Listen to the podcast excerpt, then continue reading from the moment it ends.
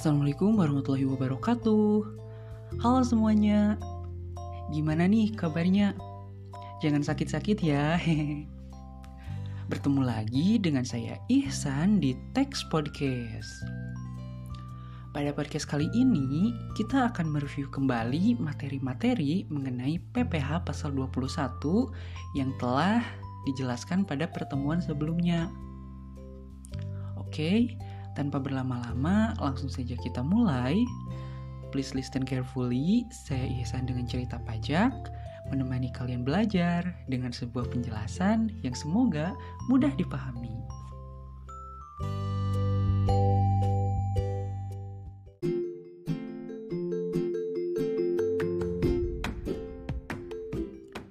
Nah, pada pertemuan sebelumnya, kita sudah banyak membahas mengenai pajak nih, teman-teman. Semoga kalian belum lupa ya. Oke, sebenarnya apa sih pajak itu? Yang masih ingat gak? Ya, betul. Pajak adalah iuran wajib kepada negara yang dipungut berdasarkan undang-undang yang berlaku dan tidak mendapat kontraprestasi secara langsung, di mana itu semua digunakan untuk membiayai pengeluaran pemerintah. Sedangkan PPh pasal 21 merupakan pajak atas penghasilan yang bersifat aktif income. Contohnya seperti gaji, upah, honorarium, dan lain-lain.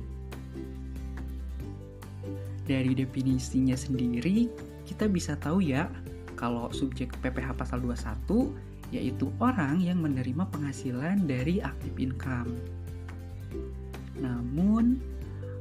Apakah semua orang dikenai PPh pasal 21?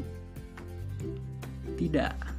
Jawabannya tidak ya teman-teman terdapat pengecualian subjek pajak PPh pasal 21. Siapa aja nih? Ada yang tahu gak? Ya, pejabat negara asing dan perwakilan organisasi internasional. Nah, sedangkan yang menjadi objeknya yaitu penghasilannya itu sendiri. Penghasilan yang diterima sama siapa sih? Nah, buat penghasilan itu ada yang diterima oleh pegawai, bukan pegawai, mantan pegawai, pensiunan, dan ada peserta kegiatan. Sebenarnya ada gak sih pengecualian objek PPh pasal 21? Ada gak ya?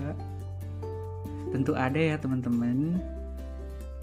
Pengecualian objek tersebut meliputi santunan asuransi, natura, zakat, sumbangan, serta beasiswa.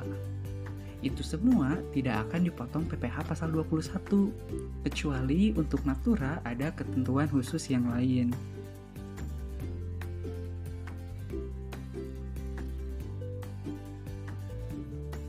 Selanjutnya, siapa saja sih yang menjadi pemotong PPh pasal 21? Siapa yo? Tentunya ada pemberi penghasilan ya teman-teman. Nah, di sisi lain juga ada bendaharawan pemerintah, dana pensiun, dan penyelenggara kegiatan yang menjadi pihak pemotong PPh pasal 21.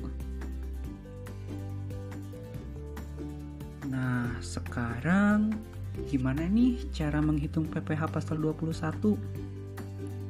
Oke, yang pertama, itu penghasilan bruto dikurangi dengan biaya-biaya sehingga menghasilkan penghasilan neto.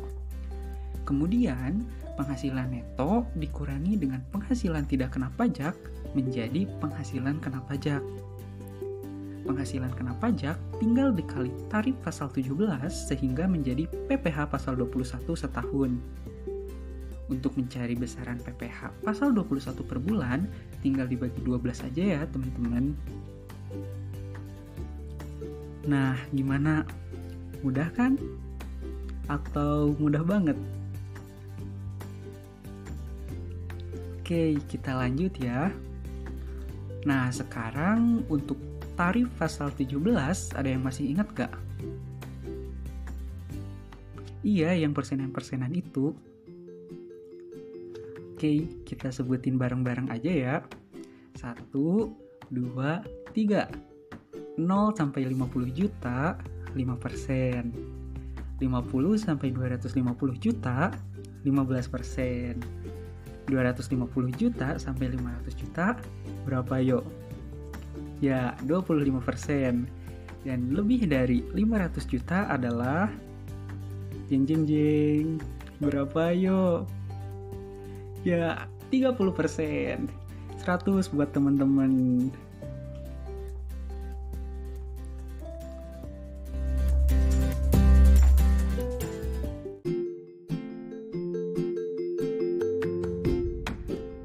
Nah, yang selanjutnya ada penghasilan tidak kena pajak atau PTKP. Nah, untuk wajib pajak sendiri itu PTKP-nya sebesar 54 juta. WP dengan status menikah 4,5 juta dan untuk tanggungan sebesar 4,5 juta juga. Dan maksimal 3 tanggungan ya teman-teman, jangan lupa. Nah, materi pajak ini mudah kan teman-teman? Mudah banget dong kalau rajin belajar.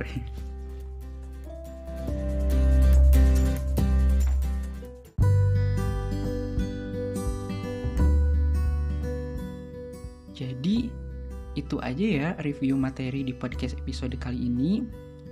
Kalau lama-lama nanti kalian bosan dengar suara saya dan ujung-ujungnya malah ketiduran.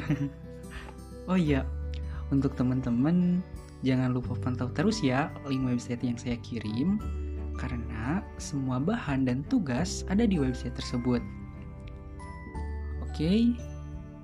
thank you for listening. Semoga dapat dipahami dan saya pamit undur diri sampai bertemu di episode selanjutnya. Dadah. Jangan lupa jaga kesehatannya ya teman-teman. Semangat terus semuanya.